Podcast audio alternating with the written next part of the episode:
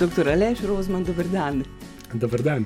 Danes ste naš sopotnik, sicer direktor klinike Golnik, interventni pulmolog in vse sorte tega, kar bodo poslušalci še zvedeli do pol šestih. Najprej mi pa povejte, kje ste rojeni in komu ste rojeni. Hvala, da ste me že predstavili, ker najbolj sem se bal vprašanja. Da me boste vprašali, ne se sam predstavim. Uh, rojen sem na Senicah, uh, staršema uh, Janezu in Jani.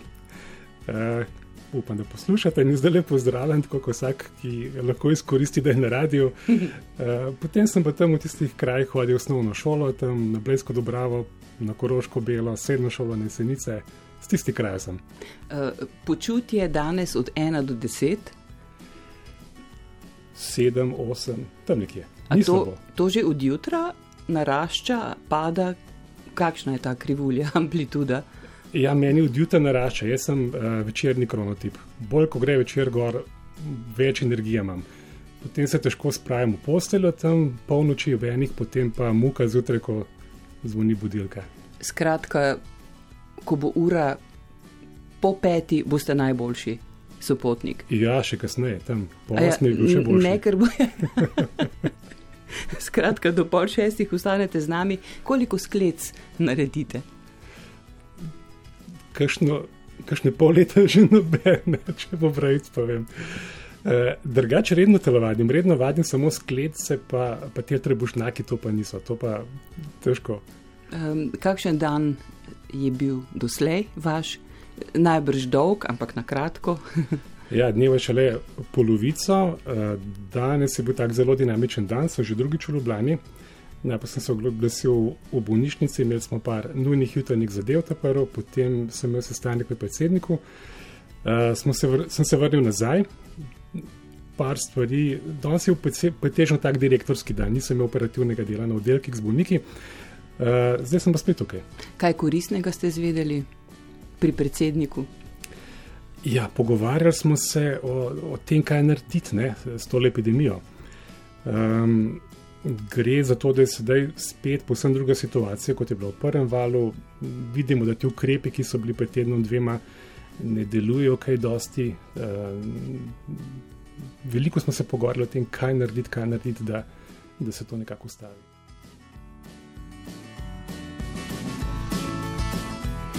Aleš Rozman, interventni pulmolog, direktor klinike Golnik, član strokovne skupine za COVID-19 in na čelu zdravstvenega sveta, zdaj sopotnik na valu 202. Dovolite, da nekaj preberem. Odvisno kaj. Bom, vseeno. Njegovo znanje ne obsega samo medicine, je izredno zanimiv sogovornik o kulinariki, vrtnarstvu, zgodovini. Dr. Aleš Rozman je v svojih prepričanjih ustrajen in včasih nepopustljiv. Je izjemen interventni pneumo, pneumolog, strokovno podkovan in ročno spreten sodelavec. Edina šipka točka je morda komunikacija, a jo je povsem nadoknadil s strokovnostjo in argumenti. A veste, čigavo je to? Ja, to je pa zihar iz, iz naše službe nekje. Kaj še sodelavci to lahko napisali? E, e, to so trije oziroma štirje sodelavci ja. ne, ob nastopu vaše funkcije direktorja. V vašem glasilu vsi lahko preberejo, tudi vi bi lahko. Niste vedeli za to? Sem, ja, ja gledam naše glasilo, ga prelistam, preberem. Se ste tudi urednik, ne? Bolj tako pro forma, drugače urednica uh, Jana Bogdanovski, ki je naša PR-ovka, uh, nima toliko časa, da bi urejal glasilo. Ona to naredi. Ja. E, skratka, pri tej šibki komunikaciji bi se malo ustavila, ne? ker zdaj vaša komunikacija, če jo primerjam, če si jo dovolim primerjati s povprečnimi govorci na novinarskih konferencah, izstopa v, v pozitivo. A ste že kot direktor delali na tem, da ste jo okrepili? Ja, komunikacija je, je sem gotovo zelo zahtevna stvar. Ne? Dokler nisem postal direktor, nisem posebej se okoli tega obremenjeval. In tudi moja narava je taka precej vročekrna, ne bom rekel, ja, kolerična, sangvinična mogoče bolj. In če me kaj razjezi, uh, hitro reagiram. Uh, včasih tudi preveč. Ne. Ampak ima pa nesrečno tako lasnost, da te mule potem ne kuham prav dolgo in zamer, ampak večinoma povem kar takoj, kar imam, potem pa pozabim na stvari. Ampak drugi pa ne. Ne, ne to pa ne. In to sem potem ugotovil, da ni dobro, da se moram začeti krotiti, da moram uh, vaditi uh, več stvari pohvaliti. Jaz sebe ne pohvalim. Ne. Uh, potem z drugimi nisem bil navaden prav posebej deliti pohval, ampak uh, sem me pa naučil, da je treba da je treba in res je, in res je prav. Tako da eh, tukaj se pustim učiti drugim, ker to je pa verjetno področje, kjer sem nekoliko bolj šibek. Ker ko um, strokovnjak, zdravnik stopi v, v čevlje menedžerja, ne, je to svoj vrsten izziv in se marsikaj pričakuje od njega. Um, med drugim tudi skrb za spodbudno delovno okolje. Ja, Kako ste se pa tega priučili, če se da priučiti? Kako spodbujati ljudi. Ja, jaz sem bil tako, postal sem direktor bolj kot sili, kot pa na lastno željo. V resnici se tega nisem želel in, in do dveh, treh mesecev predtem, ko sem bil izvoljen, pravzaprav sploh nisem o tem razmišljal oziroma imel kakšne posebne ambicije. Potem se je pa zgodilo, da je mandat prejšnjega direktorja potekal. Eh, v našem statutu klinike je, so dokaj ostre merila, kdo lahko to mesto zasede. Bilo nas takrat osem kandidatov. In ker v javnih zavodih seveda ni to zaželena, predzaželena funkcija. Ne, smo se tam gledali in kot bi vlekel slamce, kdo bo takrat ko potegnil. Na, konc, na koncu smo nekako bili mnenja, da je bož, da nekdo iz hiše ostane, kot pa da dobimo nekoga od zune, ki stvari ne pozna in bi potem po svoje stvari urejal z, z premalo občutka. In sem nekako sprejel sicer ta izziv, sem rekel, v redu, za štiri leta, potem bo pa drug. Uh, Se zdaj ste šele dve leti. Ja, že ja, dve pa pol, no, še leto pa pol, ja. Že odštevate? ja, odkar je epidemija, kar odštevam. Okay, okay. Uh, potem pa sem rekel, okay, tako kot ostale stvari do tada, jaz sem prej tak mal lušten tim v, za interventno pulmologijo, oddelčni uh, na endoskopiji in tam so stvari lepo tekle, lepo smo se razumeli, še zdaj se lepo razumemo in še zdaj mi je žal, da nisem v tem timu nadaljeval svojega dela, ker če za svoje življenje lahko rečem, da sem kjer res uspešen, je to ta področje. Uh mhm. -huh. Za direktorja ne vem, kaj se bo na koncu izkazalo po štirih letih, ali je bilo v redu, ali ni bilo v redu. Jaz upam, da bo. Sem pa obljubil tudi takrat, ko sem prevzel funkcijo, da se bom potrudil, da bom pač uh, vse naredil, da bom tudi dober direktor. Potem sem šel na tečaj iz menedžmenta, pa tak, pa drug tečaj, pa eh, neke knjige sem kupil, neke internetne stvari, neke audio knjige, tako da sem nekako vložil veliko mhm. časa v to tudi noter. Organizirali kakšne kot se lepo reče, team buildinge. Ja, uh, to je pa ne zelo zaželeno, da se na naši kliniki dela team buildinge. Škoda zdaj, ko uh, ne gre, ne? ampak moramo razumeti pač to situacijo, pač ne gre. Ampak predtem uh, je pa to živahno teklo, običajno na nivoju oddelkov, se pravi na teh uh, maših sklopov, ko so ljudje več skupaj, ko delajo skupaj, da, grejo, da imajo priložnost iti ven imeti nekega moderatorja, povezovalca, potem večer preživeti skupaj, imeti zabavo, prenočiti. Joj, a to se vam ne zdi rahlo pretiravanje, lahko na trenutke? Zakaj? Ne. Ma ne, to ima tako očiščevalen učinek na ljudi. Ne, tam... Da si kar naprej skupaj, še, še potem zunaj službe. Je ja, pa to enkrat na leti super. Tam pol uh, je večer, ljudje se sprostijo, tudi včasih popijajo, potem si upajo povedati tisto, kar si sicer ne bi potem se to prostijo, okay. potem je par mesecev čisto drugače. Ja, no, ampak da vas ne bi zaneslo, če smem, ne? Google podjetje, recimo, to ja. strašno rada povem. Kako perfidno tam skrbijo, zdaj ok, Google pa ena javna klinika se ne more zaprimerjati, ne? ampak kako perfidno tam skrbijo za svoje delavce, ponje pridejo z avtobusom, tam je poskrbljeno za varstvo otrok, njihovih delavcev, eh, hrana, šport, vse ne. Sploh ne veš, da te imajo, ne? Uh mhm. -huh. si njihov. Uh mhm. -huh. ja? to, to pa javni zavod ne more, ne imamo pa deset tisoč pravil, kaj se ne sme. Pa plače, ne. pa plače, v redu, so pomembne, ampak na neki točki niso več tisti glavni motivator. Um, ampak nimamo žal pravila, več pravil, kaj se ne sme, kot kaj bi lahko. Ne? In včasih bi si želel veliko več teh drobnih stvari, drobnih spodbud, da je zaposlenim, ampak potem imaš na koncu zvezane roke. Že samo tisto, da je darila, potem morajo to napoved dohodnine dajati in vse živo. Nisem darila, lahko damo fitness karte zaposleni, potem mora pa to prijaviti kot darilo, ne? da ne bo korupcija ali česa takega. In ste pa se postavljate stvari. Vi ste, doktor Rozman, nekje povedali, da si želite, da bi v tej situaciji, v kateri smo se zdaj znašli, v teh razmerah, da potrebujem nekako več te življenjske vedrine in, in malo humora, da bomo lažje prenesli vse skupaj. Ne? Ja. Kje zdaj to vedrino vidite? Ja, to mi znamo te stvari tako po en stran, rečem, za res ima, tako na nošema, tako premalo, kaj naj rečem, sportski nekatere stvari. Uh -huh. ne? Vsak, ki nam pokaže kriv prst, tako je treba s kladivom po njemu. Ne? Čas bi lahko to mečkam malo bolj tako športno te stvari vzel, pa, pa je ne. Se malo razbremeni, ne. Ja, ozračje. Ja, ja. Na, na... Mislim, so neke stvari, ki jih je treba izpolniti natančno, ampak ti odnosi, oziroma to, kako zdaj, kdo je to, kdo ni to, tukaj pa res lahko malo bolj skomorem stvari včasih sprejel. In se mi zdi, da so pred desetletji, je, ali pa sem jaz mogoče v drugem okolju, po drugi situaciji bil, smo to imeli nekoliko bolj skomorem.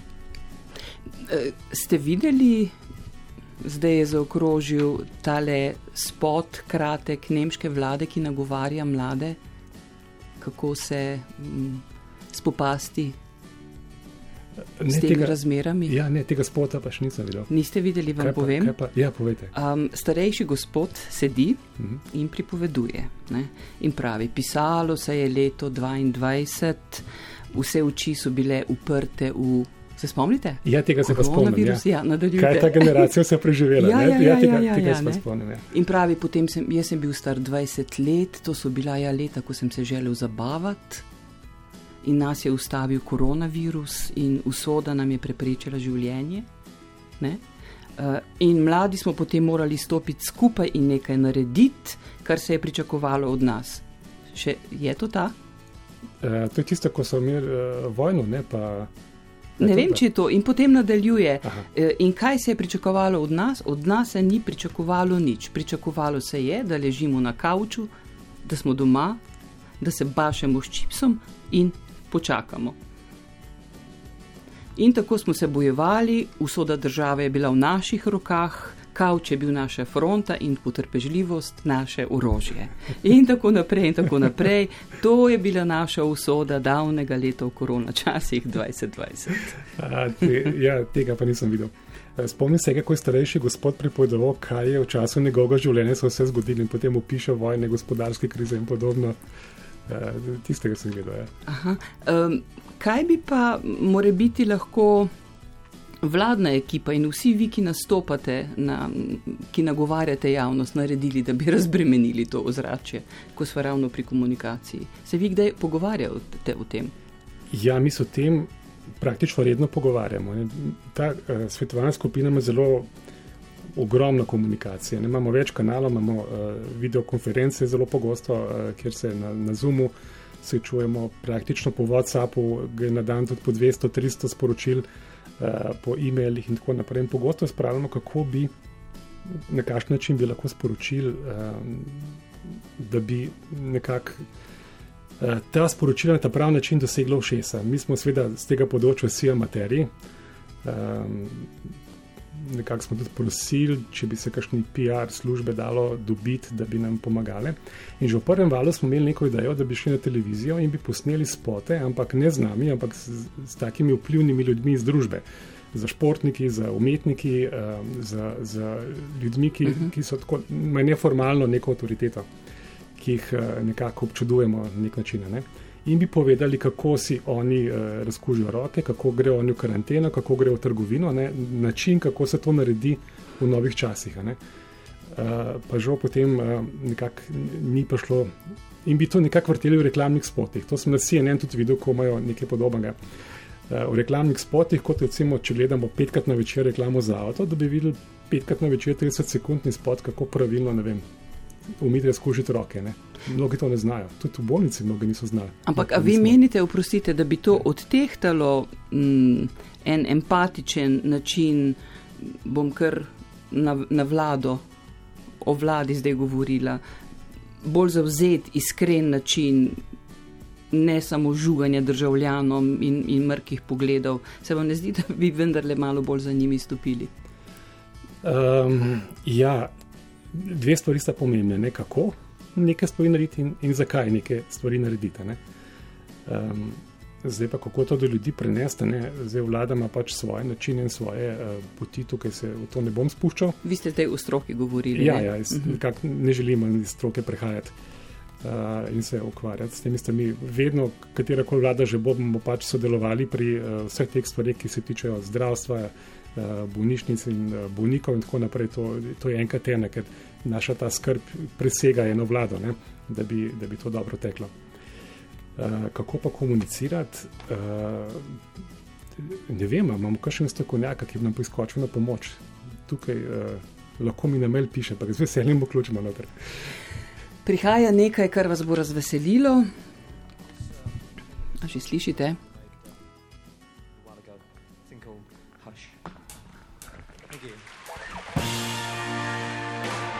To.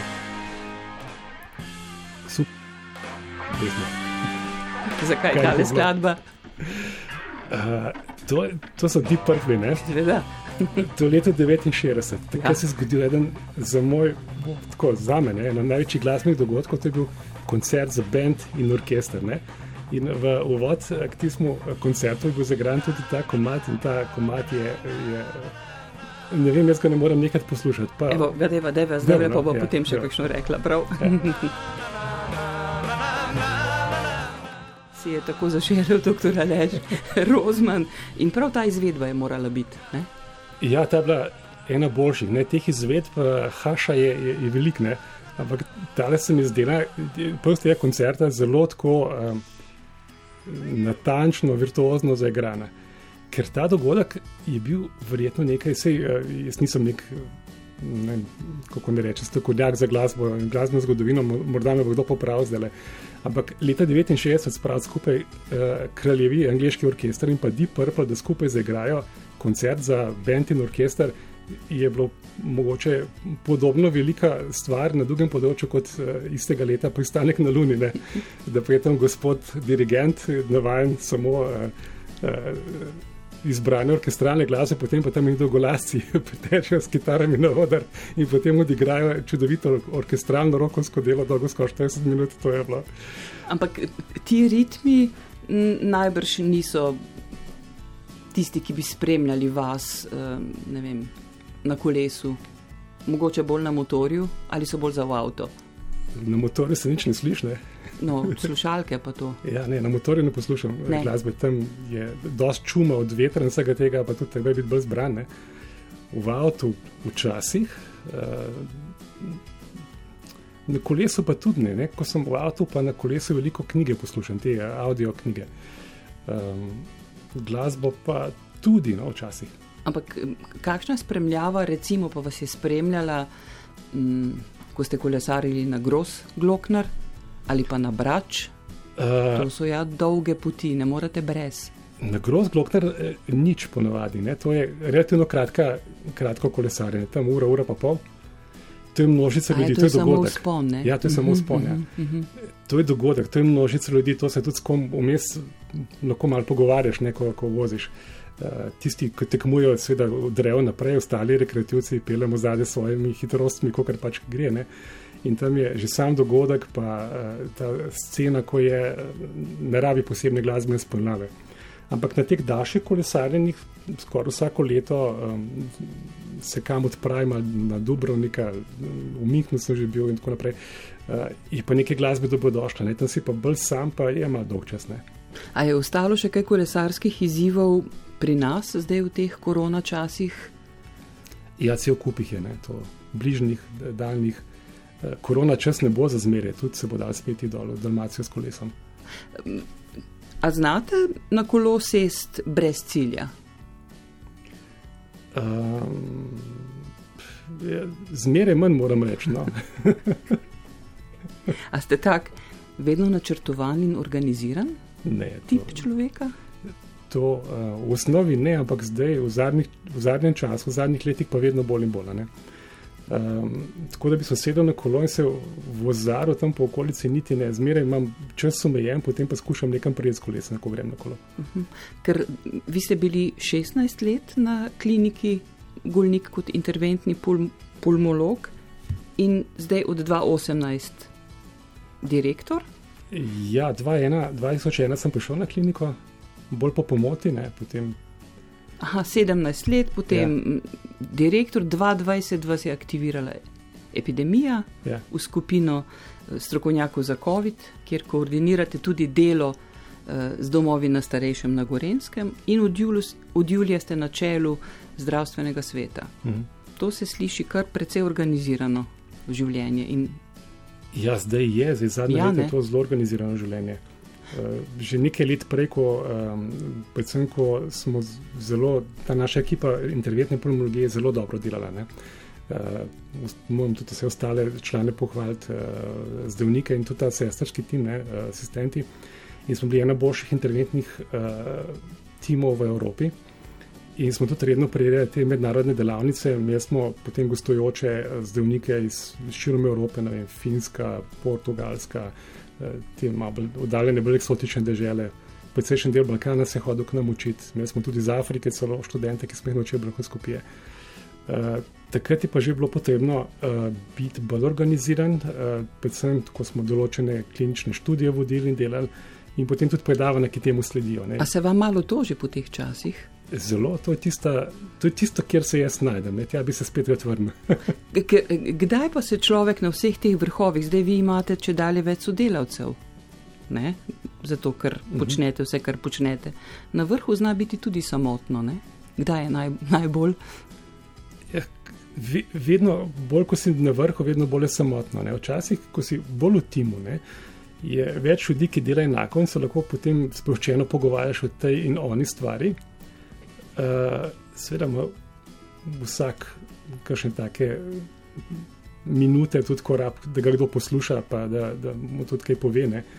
Ampak zdaj je težko najti sogovornika, ki razume točno tisto, skozi kar grem. Ne, ne morem recimo, več iti na oddelek in začeti govoriti o tem in o tem, kaj se tukaj in tam dogaja, ker potem gledajo in se jim zdi, da mogoče neko drugo perspektivo je zdaj. Ne. Preko smo pa v isti ekipi, je pa bilo, uh, se je pa dal pogovarjati na ta način. Kaj pa zdaj ste vi kot poslušalec, utegnete biti na voljo komu z vso njegovo ranljivostjo in dvomi, ki obhajajo zlasti zdravstvene delavce ali pa tudi zdravstvene delavce zdaj v teh uh, razmerah? Ja, pravzaprav... Težko priznamo v tej storilnostni družbi, ne, da smo preobremenjeni in da ne zmoremo, ampak a se kdo na vas obrne? Ja, vse čas, ne, recimo, neka slaba stvar take, uh, take pozicije je, da um, običajno, ne, takrat, ko gre dobro, ne, tega ne veš, ne teče, vse je v redu, takrat, ko je pa slabo, pa zveš. In potem sem v svoji pisarni pravzaprav cel dan nekako tača teh slabih novic. Dobre moram iti pa sam poiskati ven. Uh, In je težko držati ravnovesje, da, da, uh, da potem obdržiš tisto dobro in slabo nekako v sebi, da imaš tisto kapaciteto, da, da, da lahko pohvališ, da vidiš uh, dobre stvari, ne da se vse samo ukvarjaš s temi, uh, kako bi rekel. Uh, tudi izbruhi. Sej, vsi imamo malo težave s komunikacijo, se mi zdi, takrat, ko je človek v stiski, ne pazi prav dobro, s kakšnimi besedami bo prišel, uh, recimo, se potožiti ali pa tudi napast včasih. Ne? In je treba te stvari zdržati. Uh, ker pa sem tudi jaz samo človek ne? in to je, imamo vsi malo omejeno kapaciteto za to. Uh, Tako da je treba paziti na to, da prideš v službo, kolikor tok spočit. Eh, da... Tudi večja odgovornost na vse zadnje, ne? Ja, ja. Ko sprejemate odločitve. Ja. Ko si niže na lestvici, si lahko privočiš nekaj izbruhe, ne? se na koncu se upravičiš, pa, pa so manj opaženi. Više, ko si, težje si privočiš, da, da ti kaša napačna beseda vide. Kaj pa vaše sodelovanje s politiko? Zdaj je prvič tako neposredno. Ne? Kje so vaša največja razhajanja? Um, Kaj je najtežje usklejevati? Ja, eh, tukaj um, nam je veliko prehranjenega, ker imamo odlično šefico svetovalne skupine, Bojano Bijovič. In mi se običajno zmenimo kot skupina, kaj bomo uh, predlagali. Um, veliko debatiramo o stvarih, se usklajujemo. Noto skupine so pravzaprav iz vseh možnih specialnosti izbrani ljudje, različnih življenjskih nadzorov in, in prepričanj in tako naprej. In to je res tako zelo pestra skupina, ki, je, ki ni homogena prinaša pa to kvaliteto, da, da vsak prinese svoje noter in na koncu imamo pogled z različnih nivojev, z različnih pogledov. Ne? In potem se na koncu vendar nekaj idej izoblikuje, skladi in potem šefico pošljemo v boj. A, a, zdaj stroka, načeloma, vsaj kar slišimo v mediji a, in tudi javnost, ne komentira ukrepov vlade. Vedno pravite, mi smo predlagali, vlada je na ja. podlagi tega se odločila. Ne? A mi lahko vendarle zaupate, kje, kje denimo pri ukrepih najnovejših so bila največja razhajanja, kje ste se najtežje našli? Uh, mi pravzaprav se ne pogajamo z vlado, mi predlagamo vladi. Ne? Potem, kar Razumem. oni spremejo, potem to spremejo. Ali pa kje je njena odločitev najbolj štrlela od vaših predlogov? Eh, mi vedno, a ne vlada ima odgovornost za to, kar naredi. Oni so izvršilni, ja. oni potem, ko nekaj naredijo, uh, tudi, tudi odgovarjajo. Ni prav, da se jaz potem spuščam v njih in jih ocenjujem, ker jaz te odgovornosti pa nimam. In ko je človek brez odgovornosti, lahko uh, govoriči in govoriči in uh, je pameten za vse na svetu, kar se pa ustavi v trenutku, ko moj za to tudi povzeti odgovornost, kar bo naredil. In tukaj skušam biti zelo zadržan. In tudi spoštujem to, da, da določeni ljudje prevzamejo na svojo uh, glavo, na svoj ogled tisto, kar potem sklenejo. Ne. Eh, mi kot strokovna skupina gledamo, kaj bi strokovnega vidika bilo potrebno narediti. In pač imamo ta medicinski vidik uh, pred sabo. Uh, potem so pa tukaj še številni drugi, ne? tukaj so še gospodarstvo, šolstvo. Razumem, razumem. Ostalo. Ampak vse slišite tudi vi. Ne? Zakaj smo tukaj, kjer smo zdaj, v tem drugem valu? Uh, večkrat bi lahko rekla, da stroka zna prevzeti odgovornost, politika pa vsaj kak, za kako svojo neposrečeno odločitev, če jo tako imenujem, ne, eh, nekako jasno ne, ne prevzame. Ali smo krivi mhm. mi, javnost ali mediji in tako naprej. Ampak eh, vi, vi osebno vem, da ste tam nekje maja, mislim, zelo glasno in nedvoumno opozarjali, Eh, da je treba sproščati ukrepe čez poletje, zelo pretanjeno in jim slediti in jih nadzorovati. Mhm. Ampak to se ni dogajalo, ali se je? Je po prvem valu. Nismo toliko vedeli, kot vemo sedaj. Ne? Takrat smo zelo previdno stvari popuščali. Lahko bi jih, recimo, zdaj, ko gledamo za nazaj, ne, Ja. Rečemo, po bitki smo generali, bi lahko takrat šli hitreje. Ampak nihče v Evropi se ni upal hitreje, tudi mi nismo šli, je bistveno hitreje. Ampak če gremo tukaj naprej, spustili ste vse in vsi smo bili na morju. Ja. Potem pa je pa tukaj težava, ne, ki je težava, bi rekel, Evrope. Ne, se pravi, za vsako ceno skušamo ohraniti to mobilnost, pa svobodo, pa počitnice, pa, pa zabave in tako naprej. In tukaj nas je pa ta virus, ne, ki ne razume tega jezika, ki ima parat, mobilnost in, in zabave in druženje, ne se pa potem uh, tole zadelo. Ne. Zdaj, ko gledamo epidemiološko situacijo po svetu, imamo tri slike nekako. Ena je ta ameriška, ki nikoli niso pravzaprav česa posebnega ukrotili in tam epidemija gre po svojo pot. Ne. Eh, potem imamo azijski model, ki je zelo discipliniran in ima zelo malo število okuženih in imajo lahko večjo produktivnost in družba in deluje. Res pa je, da zahtevajo od državljanov, da so bolj striktni pri uh, pri izvrševanju teh ukrepov. Zato tudi lahko družba bolje deluje. Ne? Ampak družba je že tako tam drugače sestavljena ja. ne, in po drugih principih deluje. In en evropski. Ja. Ja. Potem pa naš. evropski način ne, civilizacije razmišljanja, pri nas pa smo seveda uspešno ta prvi val s kladivom potokli, potem smo se postavili na slanjač in spustili vse z rok. Je to? Ja. Pa zakaj? Ker uh, ljudje tako želijo. Ne, tukaj več no. čas. Ja. Mislim, lahko si je želim, ampak če se vlada odloči na podlagi priporočil, si jaz lahko želim, ampak moram z morja, konec. Ja, ampak to je težko. Jaz sem si težko predstavljal, kako pol milijonom slovencem zapreti vrata na Hrvaško. Po mojem, bi to Čisto kar... preprosto, tako kot zdaj, ko smo spet zaprti. Eh, mene zdaj eh, navdaja, zdaj je res, da opozarjate in zdaj razumemo, da ni druge. Zdravstveni sistem komaj živi, to je razumljivo. Ampak um, mene navdaja dvom, da se ne boste vi, vlada, vsi skupaj odločili, da se ne boste znali odločiti za dovolj vzdržne ukrepe, ki bodo nekaj časa morali, s katerimi bomo morali nekaj časa živeti. Ker če nas enkrat zaprete, čisto, je normalno, da ko se mal priškrne, se nam kar ne. Ja, vidite, to je zdaj tema za nekaj doktoratov na področju sociologije. Ne? Okay. Zdaj, Skušava to v dveh minutah reči. Ja, zdaj tukaj imamo neko otroče vidika, ne? mi predlagamo, vrata zaklene, ljudje pa obogajo kot otroci. Ja. Uh, ni to prav. Ljudje niso otroci, ne? ljudje so odrasli in bi morali stvari razumeti in se tudi obnašati odraslo. Da potem, ko nas spustite, ne? da se normalno obnašamo.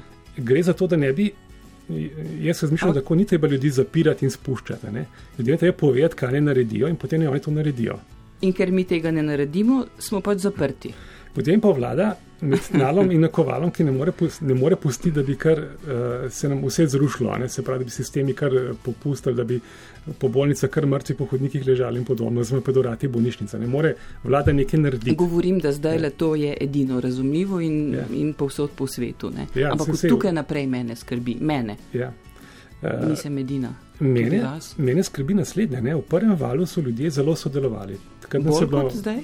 Mislim, neprimerno bolj. Uh, ker takrat nas je bilo še vse, moramo priznati, malo strah. Gledali smo to Italijo, ko je bil lockdown, je bil lockdown, v mesecu je pa nas okužbe šle praktično na nič, na par primerov na dan. Zdaj imamo lockdown teden, dva tedna, ampak pušča, pušča. Eh, na mikronivoju se nekaj ne dogaja, to, kar se je dogajalo v prvem valu. Ne? In uh, tu je treba, da ljudje začnejo razumeti, ne, da. da uh, da tukaj ne gre za igro ne, očeta in otroka, ne, kdo bo zdaj koga bolj zaprl, pa kdo bo, komu, kdo bo koga prilisičil. Ja, vse okrog tega se vrtimo in smo potem ja. spet pri komunikaciji in načinu in nesodelovanju. In tako, a bi dr. Rozman recimo eh, dejstvo, da je 70 odstotkov zaposlenih zdaj, slišim na delovnih mestih, v prvem valu je pa 70 odstotkov ljudi delalo od doma. Spremenilo se je, ne? Ja. A bi bilo smiselno ukreniti, predlagati, razmišljati kaj v tej smeri, upriti otrok in šolarjev in starostnikov v domovih, recimo? Ja, seveda. Ne? Da tisti ljudje malo bolj zadihajo. Mm. To je pomemben podatek, na katerega bi bilo treba uh, vplivati delodajalci, da se odločijo čim več odideti na delo od doma.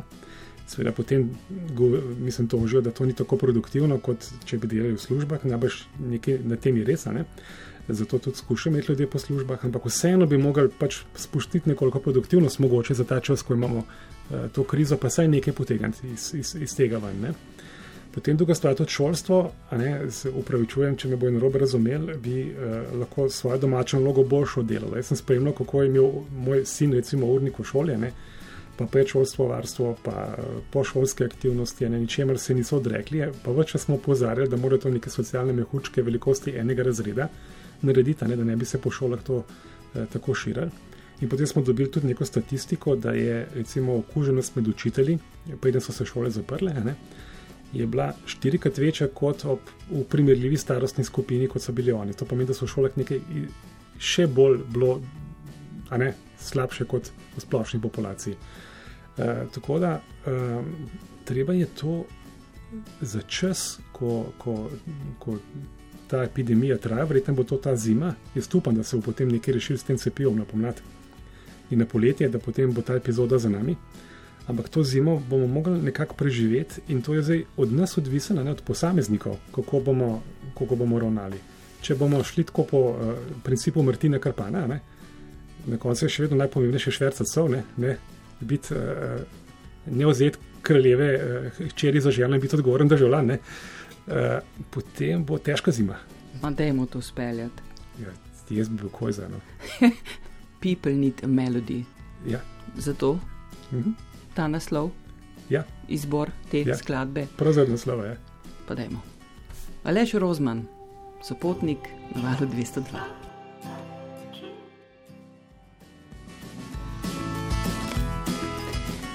Interventni pulmolog, dr. Aleš Rozman, je sopotnik na valu 202. Zdaj, vsi imamo en rok trajanja v teh izrednih razmerah, sploh ne delovanja. Um, dlje traja vse skupaj, daljši so vaši teki? Uh, ne, si časa ni, da se zelo rekreirajo.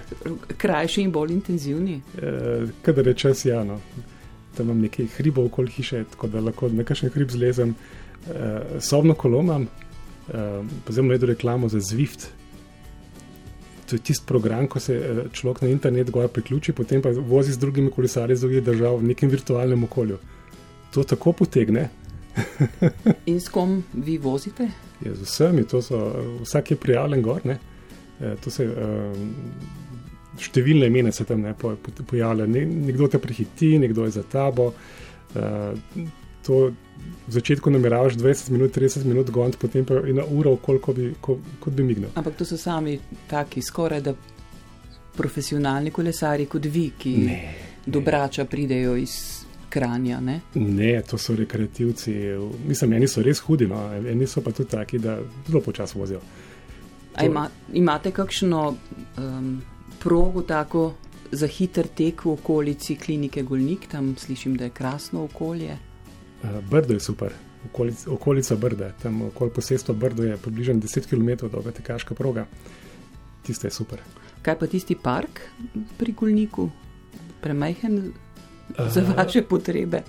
Ne, tam niče ne hodi dol, ne, zaposlenih. Uh, tudi jaz sem rabo skoraj 15 let, da sem celega prehodil.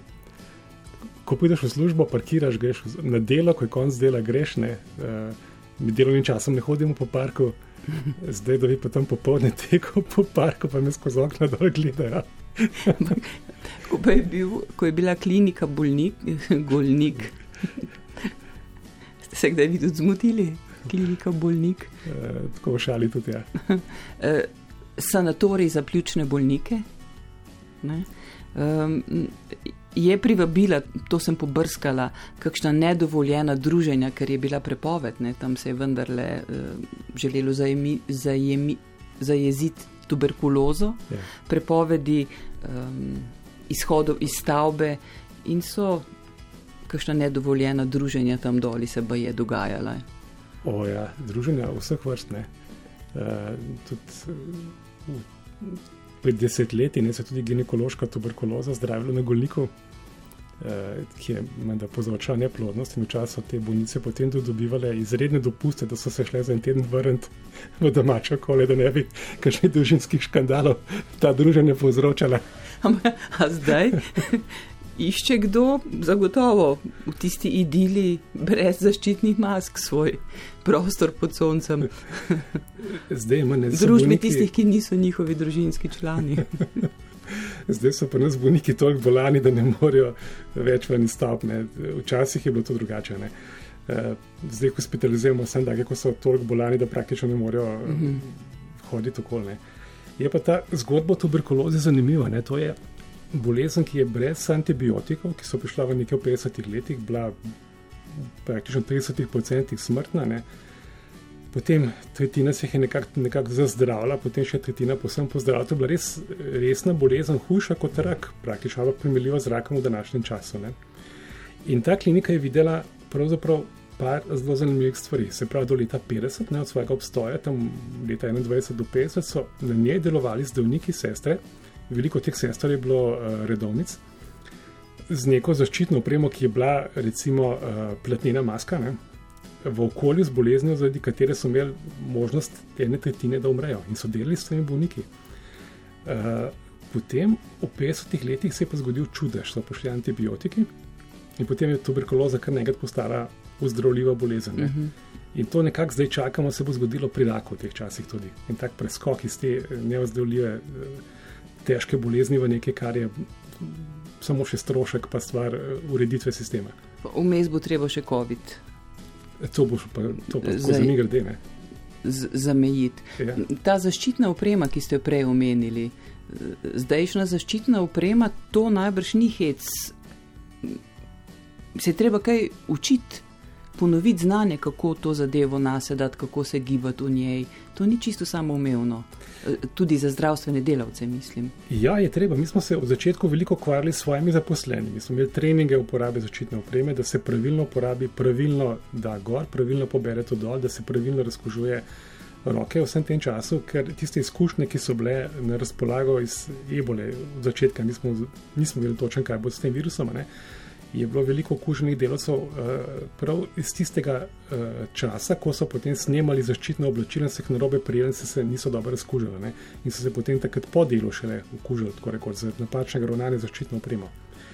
In ja, to je pomembno. Ti protokoli oblačenja, slačenja, razkuževanja so, so tukaj izredno pomembni. Recimo, če imamo živce in zdržimo to teden za teden, mesec za mesecem, je okužba na delovnem mestu zelo malo verjetna. Uh mhm. -huh. Ampak ker smo vsi ljudje in se utrudimo in je treba hoditi v čisto cono in v rdečo cono nazaj, in potem se včasih mudi, so ti spodrslaj, zaradi katerega se. To so razlogi. Tudi, ja. uh. Uh -huh. Kakšna je bila pa zaščitna oprema vaša, ko ste bili v Zambiji? Tuberkulozo ja, tudi ne ste urejali tam, ja, tudi, ja. oziroma ja. želeli, želeli zajeziti, za ne gre mi ta izraz. Ja, za mi smo takrat sodelovali pač za nekaj mesecev v, v misijonski bolnici v Nagomi pa, uh, in pač smo skušali neko delo v tem času upraviti. Zajeziti tuberkulozo je je uh, zgodba več desetletij, mm -hmm. lahko ne to biti neka državna politika. Sej Zambija tudi ima neke take centre za tuberkulozo, način testiranja, zdravljenja, zdelovanja za vse to. Ne? Ampak začetno opremo takrat so bile navadne te kiruške maske. Mi smo takrat uh, postavili ta način, tudi tam so ga že deloma imela. Ne? Eh, tam je toplo podnebje, čakalnice so odprte pod nadstrežki teh preprostih hiš. Eh, mi smo skušali čim več zračiti, da, da se svež zrak, da bo čas odnašal te bacile. Eh, potencialno je bilo pa tukaj v tisti populaciji veliko tuberkuloznih bolnikov, tudi kar nekaj smo jih našli. Ne? In veliko HIV je bilo, s HIV je pa tudi predolžena potem tuberkuloza. Delali smo po odprtih oknih, ljudi smo pošiljali na odzem kožnin na, na polje, niso kašali v ambulante, vse kar pojete tja na travan, ki skašajte, pa neste nazaj v lončko. Na mhm. ta način smo se to sebe ščitali. Je javnost sodelovala, vi ste bili takoj za vrači, ne? najprej vrači, potem so pa najbrž vam ali kako so vam zaupali. Odvisno, kol, odvisno kako je bilo. Ne? Takrat, ko je mi šlo slabše, so nam malo bolj zaupali, ko mi šlo boljše, so pa vračali. Sicer na kaj zdaj eh, stavite? Kako menite, da kdo bo to javnost nagovoril, ta del ljudi, ki to ignorira, recimo, če se zdaj usredotočiva na to, ne? da bomo vendar speljali? Če pozabiva na politiko in na, na vse drugo, kar je težko. Ampak. Zdaj, odkrito rečeno, ne, jaz tukaj nimam dobrega odgovora, kako uh, nagovoriti, da, da, bo, da bodo ljudje slišali. Uh, jaz mislim, da večina sliši, posluša, da tudi nekako večina po svojih uh, zmožnostih skuša uh, te ukrepe spoštovati, uh, ravnati, uh, kar najbolje tudi zgodbe ljudi poslušam, kako veliko vlagajo v to, da bi, da bi uh, se zaščitila. Ne. Ampak pozabljamo, ne, da COVID ne pride kot nek uh, neznanec na nekem črnem konju in nas napade, ampak da pride čez obraz znanca, ne, čez obraz prijatelja, ki je mogoče asimptomatski, pa je nekoga drugega dobil in prijatelje pa spuščamo svojo bližino. Ne. Ko se srečamo s prijateljem, ne stojimo dva metra na razen, nimamo mas gore, rečemo, vse si ti, da je bilo tako, se ne noben ne vidi, ne. to so ti spodršljaji ali pa na delovnem mestu neko cel dan delamo v zaščitni opremi, uh, tipi, topi, potem pa pride odmor za kavo, se pa vsi tam eh, zgnetejo v neko mašo sobo in kavo brez mask pijejo. Ne? Tam se po nas zgodijo prenosi. Kje pa vidite, koga pa vidite, da bo hm, v tej razklani uh, družbi v teh napetih političnih odnosih peljal to barko, uh, bodimo realni, vse to preseči ni preprosto, ne? ampak vendarle je ki kdo, a smo sposobni se dvigniti nad, nad vse to in izčistiti idejo ter izslediti v skupno dobro. To sem pa zdaj kot Dalaj Lama povedala. Ja, res je. Ja. Nemogoče, ne ja. damo glasbo. Uh, to je problem celo Evrope, ne? v tem trenutku, ne samo nas, slovencev. Pa da je pa mi pa kar v ja. Sloveniji ustati. ja. To imajo vsi isti, isti problem. Avstrijci, italijani, italijani so imeli hud prvi val, pa so spet pozabili ne, na to. No, kakšni švedi pa lepše sodelujejo drug z drugim. Nova Zelandija super sodeluje drug ja. z drugim. Nova Zelandija je otok, ne tam. Ja, ampak imajo prav tako politike stroko in, in prebivalce z maskami. Mi smo bili tudi junija otok, prej so se začeli dopusti. Ne? Če bi ta otok ostali, zdaj bi imel Dejva. še vedno po pet okuženih na dan. Prav, in zakaj tale? Prav to je pa za moje sodelavce. Ja, Za, za uh, službence sem ga zbral zato, ker sem na njih ponosen in ne bodo tudi sami ponosni na sebe, ker to delo zdaj upravljajo. in Si bo, rekel, vsem zdravstvenim delavcem, ampak bom rekel, danes pa samo mojem, na golniku. a bodo kakšne proste eh, dni dobili potem, ko bo tega konec ali kako?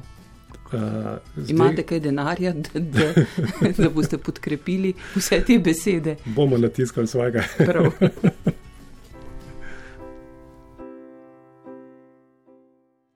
To je bilo pa zdaj um, namenjeno sestram in zdravstvenemu osebju klinike Golnik. Ja, pa um, čistilkam, pa vrataricam, zdravnikom seveda tudi. Te čistilke pa vratarice vedno pozamo, njih don še posebej. Pa menite, da jim je ta skladba všeč? Ne vem, upam.